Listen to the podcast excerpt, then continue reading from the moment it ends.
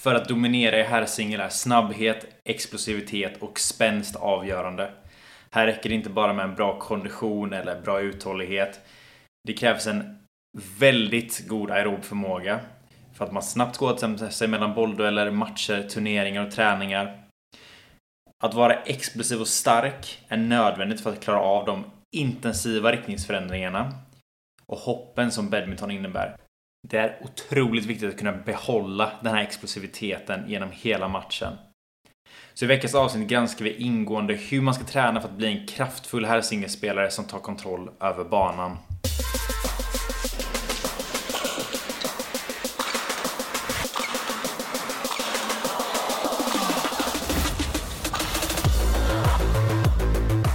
Och vi är igång. Vi är igång. Intro. Jag har nu bestämt för att vi ska göra det här bättre. Det här ska bli en bra podcast. Innan, bra information, jättetrevligt, jättekul, men det här ska bli bättre. Och jag känner att introt är en del av det. Och varför inte börja med det när vi nu har ett väldigt intressant kommande block av olika podcast där, vi, där jag, jag säger vi för att ni ska vara inkluderade, men det är ju verkligen bara jag som gör det här. Och de här avsnitten kommer att gå igenom hur man ska träna för de olika kategorierna. Och här singel är först på tur. Jag har gjort tidigare avsnitt på det här och det kommer att vara väldigt likt. Så om man lyssnar på det så kan man lyssna på avsnittet igen.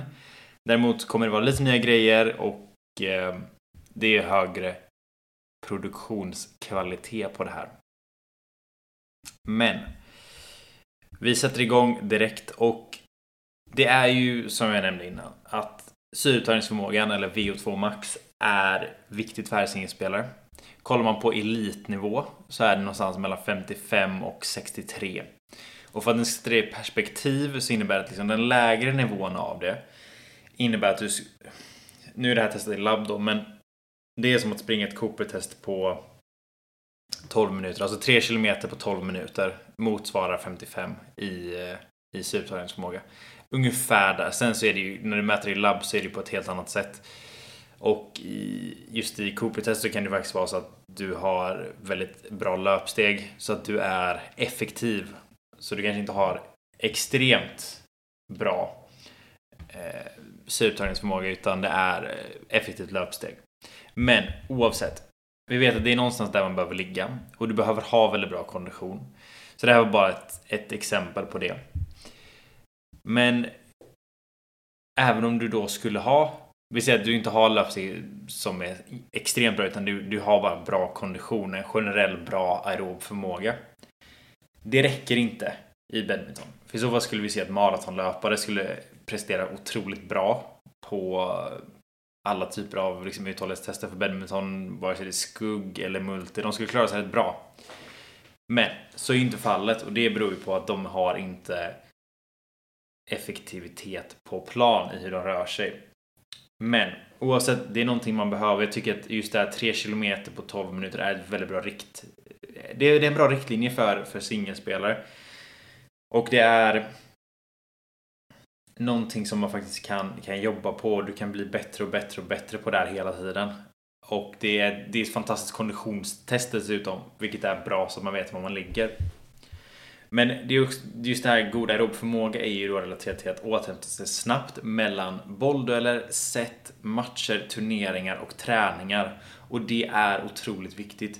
Kan du återhämta dig snabbare så är du fräschare inför varje till exempel bollduell eller varje match eller varje träning. När du gör det och du lägger ihop det där över tid så kommer det att innebära rätt mycket för dig. Det är främst det här mellan träningar, om du tränar ofta, som, som jag skulle säga är det viktiga. För att det, det spelar inte så stor roll om du tränar liksom 15 pass i veckan men du aldrig återhämtar. Du kommer inte få ut så mycket av det. Men om du faktiskt har tillräckligt god återhämtningsförmåga för att du, så att du ska, eller så att du hinner återhämta dig. Då är ju 15 pass otroligt. Nu är det kanske lite överdrivet av eh, eftersom det är tre pass om dagen så det skulle innebära ungefär. Men, eller två om man ska vara ärlig då. Min matte var inte sådär helt hundra. Men eh, det är liksom det här liksom att vara bra på att återhämta dig och du kommer uppleva rätt bra fördelar. När vi pratar mer i matchsituation så är det ju det här just att bli att vara återhämtad mellan varje bollduell som det är det man vill liksom. Är du det så kommer du att vara mindre trött och vi vet ju alla hur vi resonerar när man spelar om man är trött att ja, men jag kanske chansar lite. Jag hoppas att den här går in och så slår man något eh, ibland jättebra slag, oftast är det väldigt dumt slag där man verkligen hoppas Partners kommer gå in. Och det vill vi ju inte. Det vill vi inte. Men vi ser också i herrsingel att explosivitet är otroligt viktigt. Och det gäller ju liksom inte bara att du går in på gymmet, gör någon squat jump väldigt explosivt en gång. Utan det här handlar ju om att, så jag var inne på det förra veckan också, att vara explosiv i början av matchen, i mitten av matchen och slutet av matchet, matchen och matchen därefter. Det är det det handlar om, att kunna bibehålla den här över en längre period, eller över den perioden det behövs i alla fall. Det är ju vad man vill. Och det är också det som är svårigheten i att, att träna för.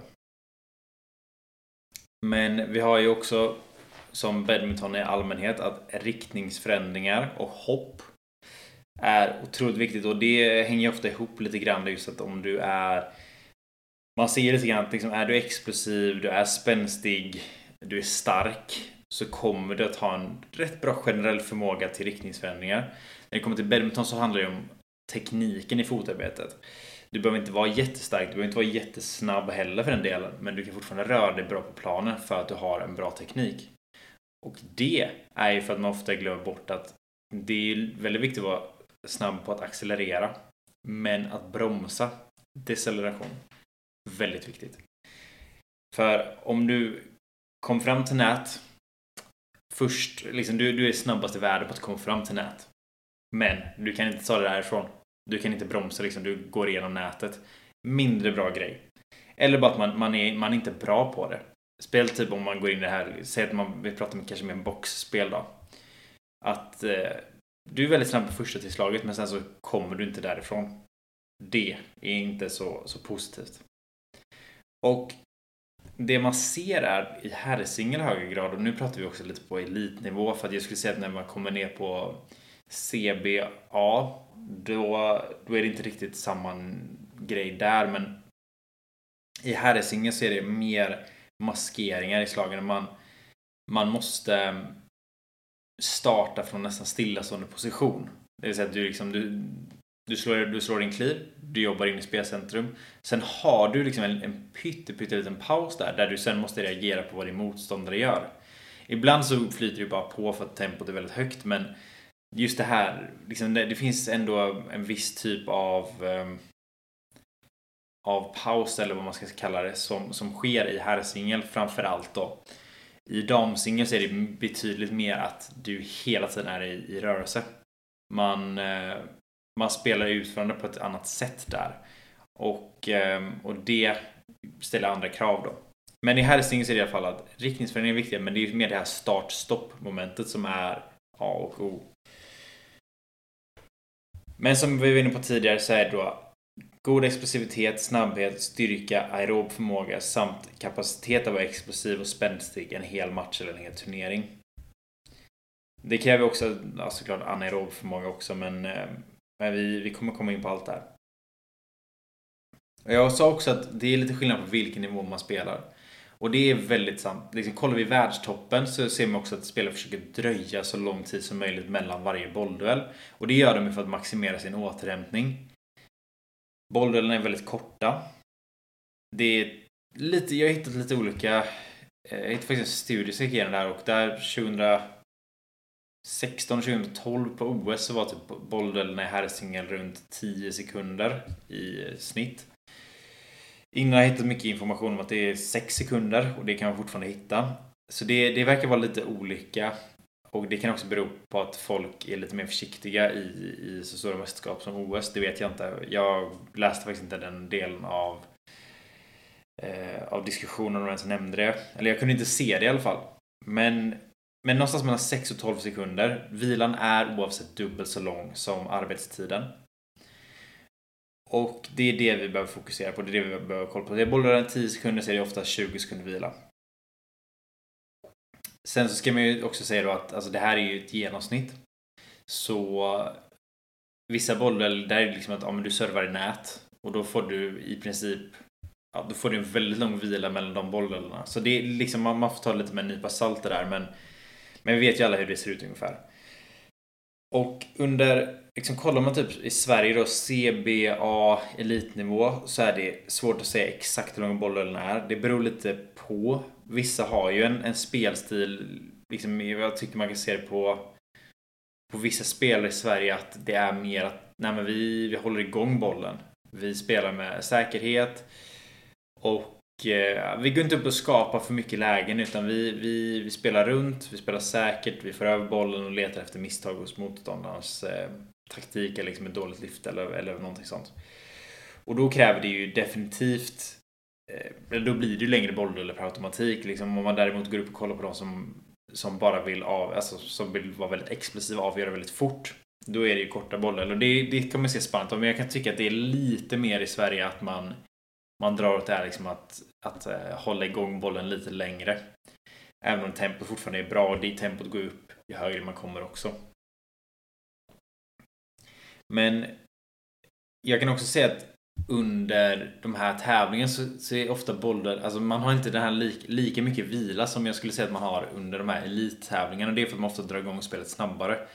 För att man, det finns inte så stor anledning att maska ifall du inte har extremt dålig kondition och behöver göra det för att, för att överleva. Men man ser vissa, vissa gubbar, CB-klass liksom, de, eh, de gillar att ta tid på sig. Och det det är så det kommer vara liksom. Det, det, det är bara någonting man får acceptera. Men generellt skulle jag säga att liksom, de flesta är rätt på att bara köra igång så fort som möjligt. Slutet av matcherna, där kan man, alltså tresetare och så, där kan man ju se att folk börjar liksom, maska lite grann för att man inte orkar. Men första set, där är det liksom, där kör man på rätt omgående. I, I de lägre nivåerna så är det, skulle jag säga, lite viktigare med uthållighet. Liksom att kunna återhämta sig snabbt från varje bollduell än att fokusera på spänst och explosivitet. Så om du befinner dig till exempel i C eller B-klass. I vissa fall är det också A-klass. Men alltså, det finns alltid undantag också. Vissa elitspelare är inte så explosiva heller om vi ska vara sådana. Men, men oavsett nu, nu ska vi vara här. Det är större chans att om du kan spela på en match eller en hel tävling i ett rätt bra tempo. Utan att liksom vara jätteexplosiv, utan att kunna hoppa jättehögt, utan att kunna liksom vara jättesnabb helt enkelt. Så är det större chans att du kommer långt i en C-klasstävling än en A-klasstävling om du prioriterar uthållighet. Nu pratar vi på kort, nu pratar vi kortsiktiga strategier här. Liksom att för att orka med en hel tävling i CBA så är det lite viktigt med uthållighet. För att det sen i elitklassen när vi snackar tempoväxlingar så A-klass också då till viss del. Det är där det blir lite viktigare att verkligen jobba på spänst och explosivitet. C och B A-klass tycker jag är lite mer, där ska man faktiskt fokusera på grunden. Man kan lära känna sig själv rätt väl i hur man är som spelare. Vad man behöver arbeta på rent fysiskt och badmintonmässigt. För det är inte, det är inte alltid samma grejer. Det kan vara att man, man måste spela runt bollen mer för att man har inte tekniken. Eh, för att till exempel alltså, du har inte fotbollstekniken för att vara snabb nog runt banan. Eller du har inte till god förmåga att läsa spelet för att faktiskt kunna ställa upp dig. Och det, det är också här, badminton är ju har jag insett nu att det är väldigt svårt när man inte kommer från en förening där det finns mycket erfarenhet och det finns duktiga tävlingsspelare, duktiga tränare, andra tävlingsspelare på den nivån. Då blir det väldigt svårt att, att förstå alla de här små detaljerna som man aldrig tänker på om man inte får den hjälpen från en tränare. Och det är också därför det kan vara svårt att ens, även om du skulle vara väldigt explosiv, men du har inte haft en bra tränare så är det väldigt svårt att använda din explosivitet. Det är mer det jag försöker få in här. För när du kommer upp till A och elit, framförallt elitnivå, då, behöver, då har du ändå en viss typ av teknik där du ändå får nytta av explosivitet. I C-klass, där kan det ju ändå vara att ja, du... Man behöver inte vara jätteduktig om vi säger så för att spela i, i C-klass och tekniken Ja, tekniken kommer ju se att du vinner matcher där. Du behöver inte ha så mycket fysik heller utan har du bra teknik så kommer du vinna C-klass. Men det är mer att ja, är du en vanlig C-klasspelare så kommer du inte ha så stor nytta av att liksom, jobba tre månader på att hoppa fem centimeter högre. Det kommer snarare vara liksom bättre att bara träna på att hålla ett högt tempo när du väl spelar badminton. Om ni förstår vad jag menar med det.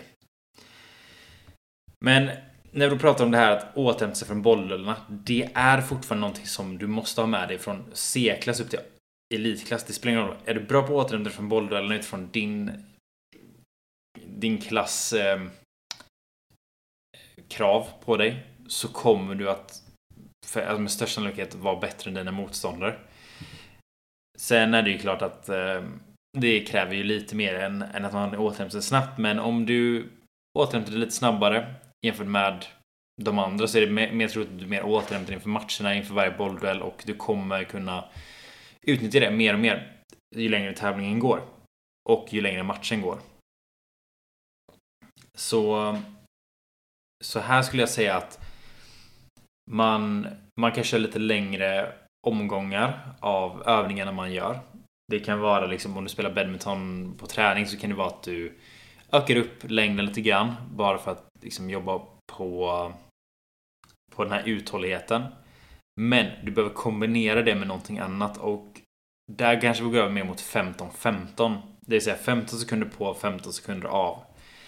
Det som jag hade gjort för att verkligen få in det här badmintonspecifika det som man själv behöver. Alltså jag hade kanske börjat med någonstans 15-30 intervaller. 10 stycken 15-30 intervaller. Och jobbat upp de här till 20 stycken. Så från 10 15-30 intervaller till 20 15-30 intervaller. Sen hade jag kortat ner vilan mellan varje duell med 5 sekunder. Tills man kommer ner till 15-15. Och då har vi alltså jobbat oss upp till att vi, vi klarar den här nivån, eller volymen då med 15 sekunder väldigt intensivt med 30 sekunder vila. Vi är uppe i 20 stycken. Sen när vi drar ner då med vilan så är vi på 25 sekunder, sen 20, sen 15. Där har vi helt plötsligt gått upp i väldigt mycket intensitet. Det, kan, det kommer nog inte funka att dra ner det med 5 eh, sekunder per, per vecka heller, men men var ändå med mig på hur, hur man bygger upp det här. Att du börjar med mer vila än vad man kanske gör. För jag, jag skulle inte säga att du vilar dubbelt så mycket när du spelar BA Elit. Om du inte är liksom typ kvartsfinalnivå, SM liksom. Där kanske du har det. Men under det skulle jag inte säga att du har dubbelt så mycket vila som eh, som du spelar och därför vill man kanske gå ner med att du är van vid att hantera en intensitet som motsvarar att du jobbar lika mycket som du vilar. Och då är 15-15 rätt rimligt på det. 10-10 skulle också funka väldigt bra här. Så du skulle lika gärna kunna göra 10 på 20 sekunder av gånger 10. Och sen dra upp det till 20 och sen dra ner vilan till 10 sekunder igen. Men det handlar liksom om att, att, vänja kroppen på att behöva mindre och mindre återhämtning mellan varje eh, mellan varje intervall. Sen kan man också slänga in någon omgång som är 40 sekunder och du vilar fortfarande 20. Men, eh, eller 30 då. Du kan också ibland slänga in 5 sekunders intervaller. Alltså, man kan variera lite grann, det är också för det mer matchspecifikt men, men det får man liksom fundera lite på själv och tycker man kan diskutera med sin tränare. Men jag, jag som tränare, om jag hade förberett folk rent fysiskt för en, en badmintonmatch så hade jag velat ha den variationen. Börja med att ha det väldigt kontrollerat och bestämt att man faktiskt får de här fysiologiska adaptionerna. Men sen, alltså de generella då. Men sen hade jag verkligen velat jobba in det mer mot så här, okej okay, det här är något specifikt. Ibland kommer det långa intervaller med kort vila, ibland kommer det korta intervaller med lång vila. Att få in det där också på ett, på ett rimligt sätt. Det hade jag velat jobba med. Jag hade också parallellt jobbat med en del arbete i zon 2 och jag kommer inte ihåg exakt vad jag sa förra veckan. Jag tror jag sa fel till och med. Men det är mellan 60-70% av din maxpuls för att få en aerob anpassning. Och det här är då någonting du kan göra. Generellt så vill man göra det grenspecifikt. Om man pratar konditionsidrott, så är du löpare så ska du helst göra din zon 2 i med löpning. Det kan funka med cykling eller simning ifall man är skadad, för det är bättre att göra det än att inte göra det alls. Men hur mycket du kan ta över i din själva idrott är... Det kan man ifrågasätta. Däremot i badminton så, så är det väldigt svårt att hålla sig i zon 2 och få ut någonting av det för att det är så... Vi snackar kanske en puls på... I, i mitt fall så hade det varit typ 144 till 158 i puls. Och eh, nu vill jag också förklara att det här är inte hur man räknar ut det här, det borde jag gått igenom förra veckan, men det, det du gör är att du tar eh, om man utgår från sin arbetspuls så tar du din maxpuls minus din vilopuls. Så säg att du har i det här fallet jag räknar jag supersimpelt då. Så vi säger att vi har 200 i maxpuls, vi har 60 vilopuls. Zon 1 är mellan 60 och 70% Det innebär att det blir 140 gånger 0,6 plus 60. Så 140 gånger 0,6 plus 60 det är 84 plus 60 lika med 144 slag per minut. Och, ehm, och det är så man räknar ut de här olika pulszonerna som jag ska Eh, kommer komma upp ett inlägg på det om Instagram eller kommer komma upp ett inlägg på Instagram om just det. Och det blir väldigt svårt att liksom hålla en viss, alltså en lagom intensitet när man spelar badminton på, på den pulszonen det kan funka att köra liksom med, att hålla sig däremellan genom att mycket, ha mycket vila och kanske inte köra sådär jätteintensiva intervaller. Men ehm, men det är ändå direkt som liksom att, att få in den i, eh, Eh, i, i sin träning. Jag skulle ju säga att vi behöver ha det intensiva som är grenspecifikt. Liksom. Hur ser det ut när vi spelar badminton? Det intensiva behöver spegla det. Och mindre belastande grejer, liksom med hålla igång, bygga, liksom, bygga upp hjärtat och dess pumpförmåga och liksom vara aktiva utan att belasta för mycket. Då är det zon 2 som, som jag tycker är väldigt effektivt. Och eh, det kan hända att man, man börjar liksom köra i zon 2 och sen så övergår man till 15-15 intervaller som avslutning. Det är också fullt möjligt. Och just zon 2 där, det handlar ju återigen om återhämtning. Att dels om vi får, liksom, om vi utvecklar vår aerob förmåga så kommer vi återhämta oss snabbare. Men just att när du tränar i zon 2 så är återhämtningen mellan Ja, det är någonstans 20 timmar. Men går vi upp och kör liksom intensivt. Alltså kör vi någonstans mellan vår maxpuls, typ 97 till 100% då snackar vi snarare över 60 timmar. Det kan vara upp mot tre dagar ibland. Beroende på hur hårt man tränar. Och det funkar inte när du spelar badminton för du behöver träna så pass ofta. Och det är därför det kan bli lite svårt med de här väldigt tuffa intervallerna. Just för att det, du hinner bara inte återhämta dig. Men eh, därför skulle det funka väldigt bra att man kör ett badmintonpass på sommaren till exempel och sen så avslutar man med cykling i 20-30 minuter i zon 2. Zon 1 eller zon 2. Zon 1 är ju ännu snabbare återhämtning. Sen kan det också vara liksom det att lägger du dig i lägre delen av, av zon 2 så är det inte lika lång återhämtning som du ligger i den höga delen av zon 2. Men nu ska vi inte snösa in på det för mycket. Man behöver jobba i många olika pulszoner kan jag dock säga. Det räcker inte med att du bara jobbar i zon 2 och zon 5. Det vill säga de typ en av de lättare och en av de tuffare. Utan vi måste jobba lite olika och det är ofta det det blir rätt naturligt när man spelar badminton. Alla pass är olika jobbiga och det kommer speglas där. Pratar vi mer liksom konditionsträning vid sidan av plan, då skulle jag vilja hålla mig i zon 2 och zon 5 som en generell grej. Men här är det också att vi måste ju vara lika eh, eller vi måste vara i samma pulszon som där vi spelar matcher. Och det kommer in på senare. Men också viktigt att veta att det här just ju närmare säsong vi är, ju mer specifika måste vi vara. Det kan inte vara liksom tre 90 minuters pass i zon 2 när vi är mitt i tävlingssäsongen i veckan. Liksom, det går inte utan då måste det vara, ja men det kan vara funka med ett lugnare pass. Eh, på ja, 60 minuter i zon 2 ifall man har den konditionen. Bara för att hålla igång kroppen. Och liksom bibehålla aeroba förmågan. Men vi ska vara väldigt, väldigt specifika med badminton där. Pratar vi styrkemässigt så um, så var jag inne på det här förra veckan också men att man vill ha en god generell styrka som innebär bra båstabilitet. Man, eh, alltså för att ge ungefär ett, ett, eh, en indikation på, på vad jag tycker man kan sikta på för mått så är det om du inte kan göra en gång i kroppsvikt i knäböj med ett okej tempo på stången så, så behöver du verkligen jobba på det. Jag skulle tycka kanske att 1,5 till 2 gånger kroppsvikten hade varit mer rimligt om vi pratar så maxstyrka.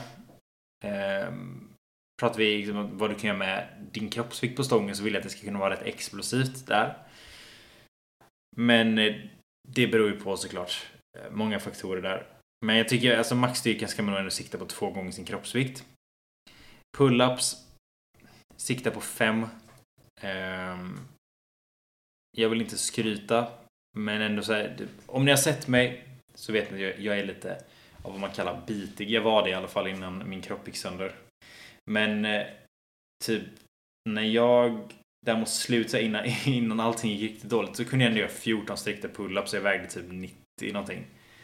Um, och det är liksom det blir såklart jobbigare ju tyngre man är. Så nu tycker jag kanske inte 14 är ett mål man bör ha, men det är liksom se till att kunna göra 5 i alla fall. 25 armhävningar med bra teknik, det tycker jag är eh, någonting man bör sikta på. Två minuter planka. Jag är inte helt såld på just testet med planka, men ofta är det liksom att det, det är bra eh, för att se liksom hur, hur uthålligheten i magmusklerna ser ut. Brutalbänk är ett annat sätt att göra det på, men det kan vara svårt för många att hitta, eh, att hitta de, de bitarna. Sen är det ju på, på samma sätt som jag bara rekommenderar tester och vad man bör få.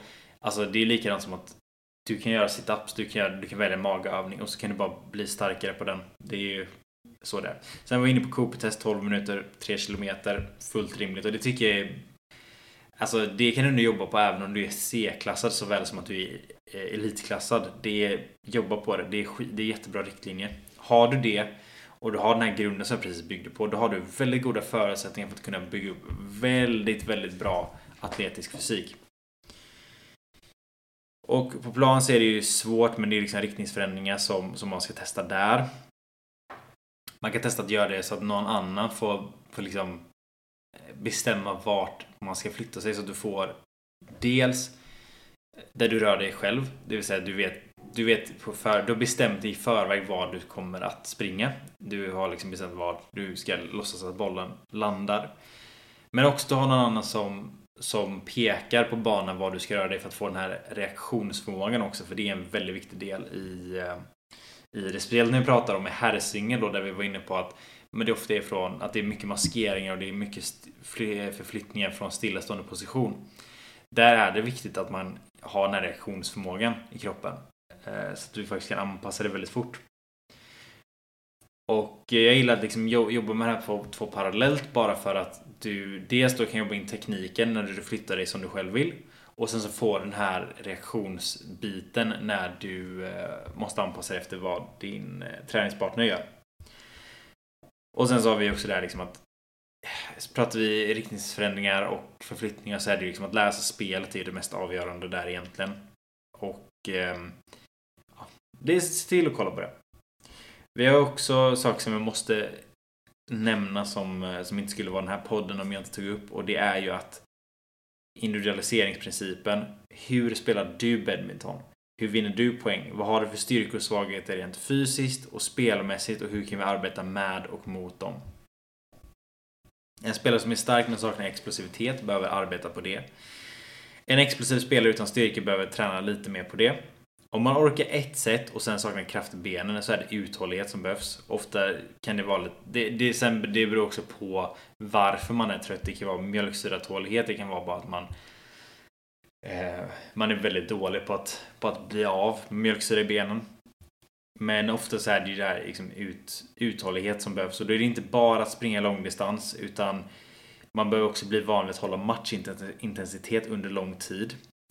Och multi, liksom att köra långa sessioner med multi till exempel att du kör 30 minuter i sträck. Um, såklart med vilor, men att du kör på liksom i 30 minuter och du kanske delar upp det i, i tre olika sätt. Så att du kör 10 minuter, vilar liksom en minut. Eller eh, vad man nu gör i match och eh, gör om det. Så att man får lite mer matchlikt. Eh, det kan också vara man spelar kortare set följt av multi, kort set igen, skugg, multi, eh, sätt igen. Liksom, man, man varvar de här med, med varandra för att vänja sig vid trötta ben och, och liksom gör det på en lagom nivå. Så att är du helt förstörd varje pass så kommer det, vara, då kommer det ta så lång tid att återhämta sig att du kommer inte märka av så stor skillnad. Om du väljer istället att du är trött men du är inte helt förstörd utan du tar det lite under vad du faktiskt klarar av. Då kommer dina återhämtningar kommer bli starkare. Men det är viktigt att se till att det inte blir den här bara nedbrytande, nedbrytande, nedbrytande effekten.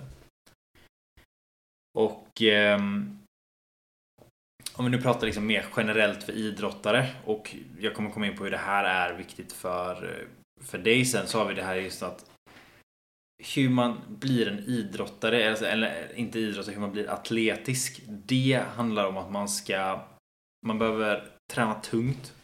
Man behöver träna snabbt med lättare vikter och hög hastighet. Man ska hoppa, man ska träna kondition i zon 2. Man ska också vara mer i högintensiva zoner som, som liknar idrotten man utför. Så till exempel tunga knäböj för maxstyrka, typ 85-90% av ett RM. Man ska också göra lätta knäböj, kanske 50% av ett RM med hög hastighet för explosivitet. Man, kan, man ska hoppa, så det kan vara boxjumps, hopphäckning, enbenshopp, eh, längdhopp. Zonträning, eh, sen träning i zon 2 och eh, 4-5. Kanske till och med upp i 6 eh, där och det är ju då där är, där är man liksom på maxpulsen och man mår inte så bra generellt för att det är väldigt jobbigt. Eh, sen så, så har vi i de här zonerna då, de mer intensiva, det ska ju ske helst i intervallform. Snackar vi 5 och 6 så kan du typ inte göra det om det inte är intervallform för att det är för intensivt. Men, eh, och då är det alltid från 2 minuter arbete till 15 sekunder arbete. Och vilan är alltid från samma längd som arbetet till att eh, vara eh, ja, liksom fyra gånger längre. Nu snackar jag såklart inte två minuters intervaller följt av åtta minuter bil utan det är mer eh, typ 10 sekunder max, max, max och sen 40 sekunder vila. Eh, det kan såklart vara mycket mer. Det beror lite på hur man vill träna. Men oftast är det inte jätte nödvändigt med ren snabbhetsträning för badmintonspelare för att du måste vara så... Det handlar liksom inte bara om att vila tillräckligt mycket mellan varje intervall. Utan när du kommer till passet och är trött och du sliter från gårdagens badmintonpass eller morgonens pass och du ska träna snabbhet och du inte är på ditt 100% så kommer du inte träna snabbhet. Och det är därför det är liksom, man får ta hänsyn till det. Så, ehm, ja. Men jag tycker man ska Eh, man ska försöka spegla de här intensiva delarna av matcherna. Och jag tycker också man ska göra så att man man spelar ett antal matcher på träning och tävling och mäter sin puls. Till exempel när jag tränade så vet jag att min, min puls under de flesta träningarna låg, som var i 90 minuter då, var typ 160. Någonstans där, liksom från 156 till 162 typ. Det var liksom min standardnivå. Annorlunda på match, för matcherna är inte lika långa. Det kan också vara alltifrån väldigt lätta matcher till att man spelar dubbelt, till att man spelar singel, till att... Ehm, ja, det finns olika delar, men att, att mäta de här delarna med sin puls, se hur den förändras över från träningar så att du kan till exempel, okej okay, men du är träning 90 minuter, du återhämtar inte så bra mellan träningar, okej okay, men du kanske behöver mer av det här zon 2 faktiskt bara bygga aerob förmåga så att vi kan återhämta oss därifrån. Kollar vi matcherna ser vi att Eh, man är hela tiden i, eh, i en bra pulszon tills dess att det kommer en lång bollduell där så kommer pulsen aldrig ner riktigt efter det. Utan så här, vad gör vi där egentligen? Hur kan vi träna på det? Kombinerar vi det med någon skattningsskala så kan man, kan man också se liksom att okej, okay, men vad är det som är jobbigt och är det var det just mjölksyran som var jobbig under den här långa bolldelen? Eller var det att vi bara inte fick för kort vila efteråt? Hur kan man se till att det blir bättre liksom? Kan man få in en, en kort paus efter eh, en lång bolldel? på ett snyggt sätt liksom. Vare sig det är att man byter boll, man testar boll, man eh, tar sina vatten eller bara liksom torkar av en handduk. Eller liksom kan man få en kort paus där. Eh, och man det är också det man kan märka liksom att ja, men korta dueller med högt tempo passar bra men långa dueller där, eh, där liksom, det är där man förlorar allt nästan. Ehm, så att det är liksom det man kan ta reda på där. Men ehm, styrkorna kan man använda också för att veta att du är väldigt bra på att alltså, hålla igång bollen och du återhämtar snabbt mellan bollen för att ha bra kondition och eh, allt annat. Då är det ju såklart utnyttja det. Se till att sätta igång spelet så snabbt du kan. Om du vet att din motståndare är en spelare som behöver vila lite mer, som gillar mer hög, högt tempo. Sätt igång spelet så snabbt du kan. Bara trötta ut dem. Sen, eh, om man eh, om man märker att man, man är, jag var inne på det här innan också, men är det uthållighet som är problemet så, så är det viktigt att du inte stressar mellan bollarna. Maska absolut inte, men stressa inte.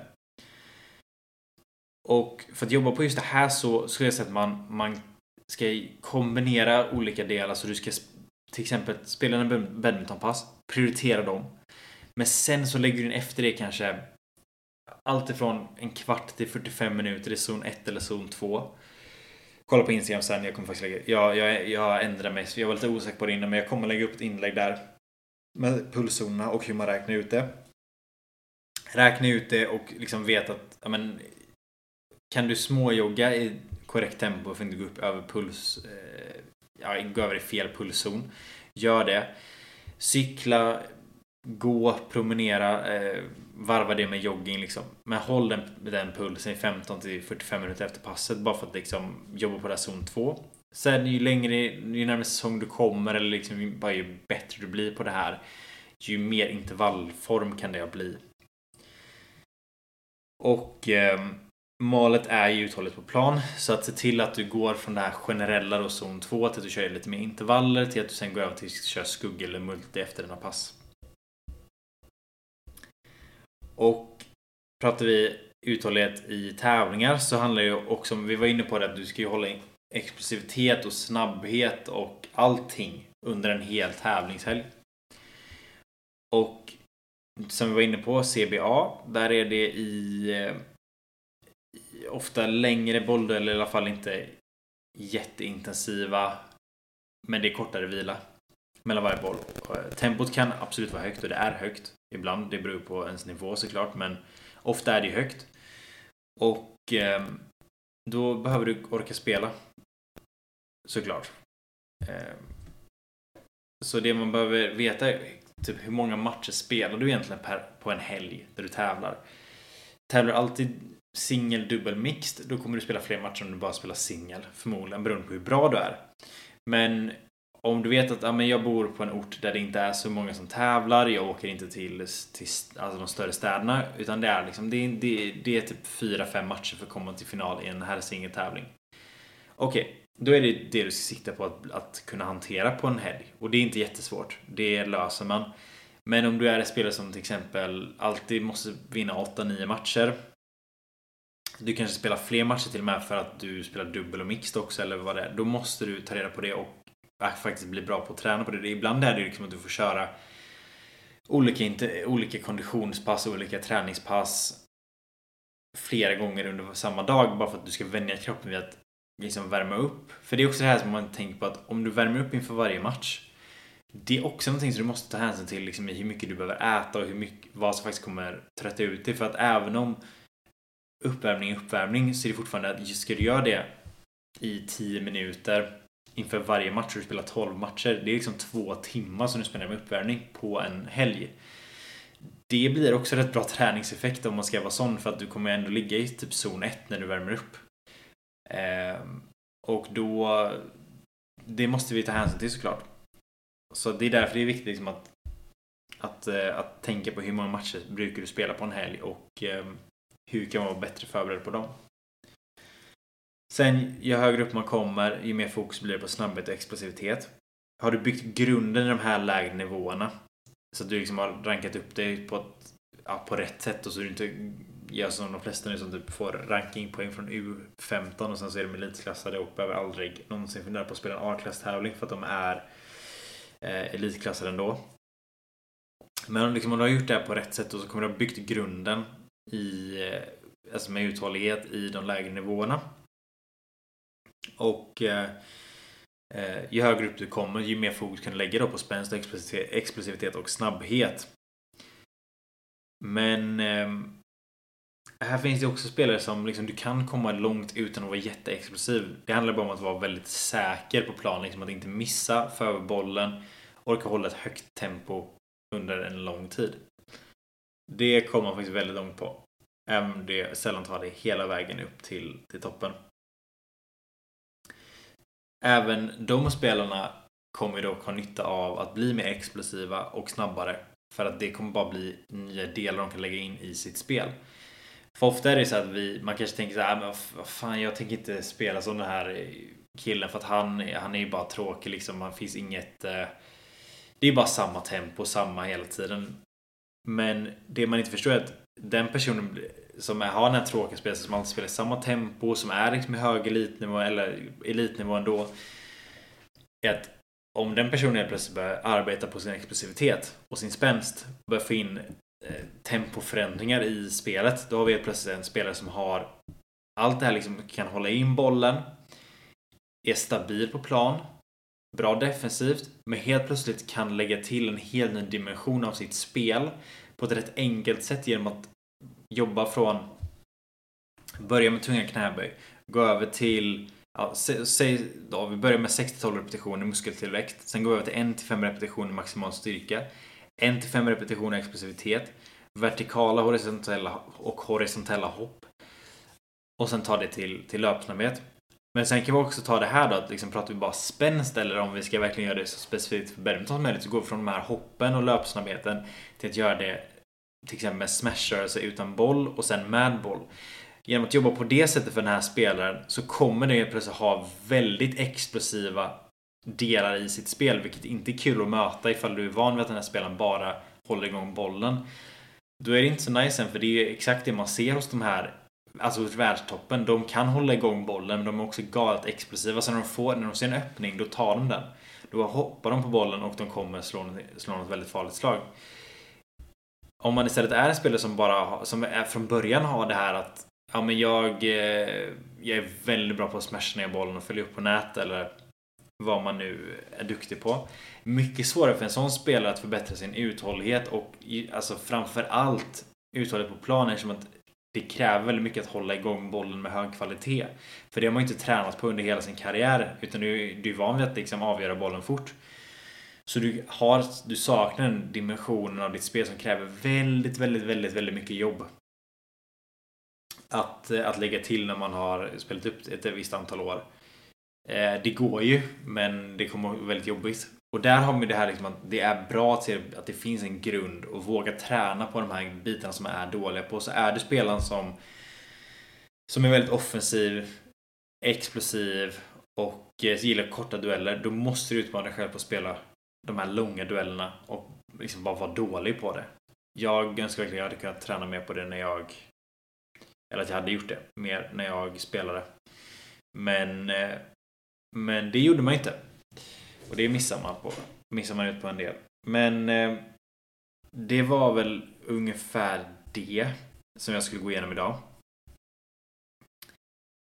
Eh, en sista grej dock. Och det är att jag vill att när man när man tränar så ska när man tränar och tävlar, men framförallt hur man tränar för att bli bra på tävlingar. Så vill jag att man man måste träna både, alltså nu snackar vi badmintonmässigt här då. Du måste träna lättare än vad din matchintensitet kommer vara. Så liksom lite lägre intensitet, eh, mycket lugnare och eh, inte lika snabbt. Du behöver också träna i eh, match likt, så det, det kommer liksom intervallerna vara lika långa som matcherna. Du kommer att eh,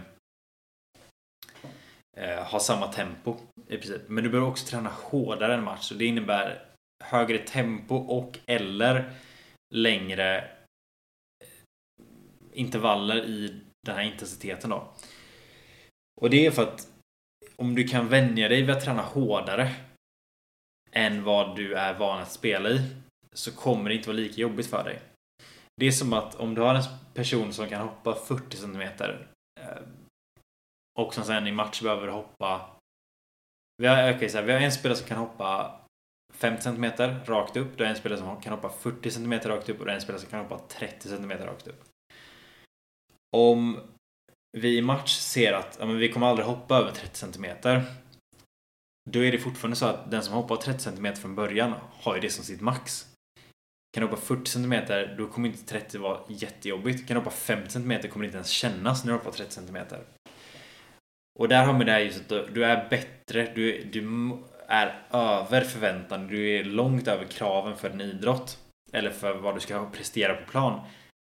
Men det gör också att du har mycket större möjlighet att behålla det under hela matchen, under hela tävlingen. Det vill säga då att den som kan hoppa 50 cm kommer förmodligen efter en hel match eller efter en hel tävling att ha mindre svårighet att hoppa 30 cm än den som kunde hoppa 40 cm. Och det är också det det går ut på, liksom att vara mer förberedd än vad som egentligen krävs. Så det var avsnittet hur man ska träna för herrsingel. Jag hoppas att ni har fått med er någonting från avsnittet. Jag känner själv att eh, det var en del bra information men det är liksom inte något så här jätterevolutionerande. Utan eh, följ det här och eh, kan hitta det som faktiskt funkar för dig. Nice. Vi kommer höra snart i veckan igen. Ta hand om er. Hej då.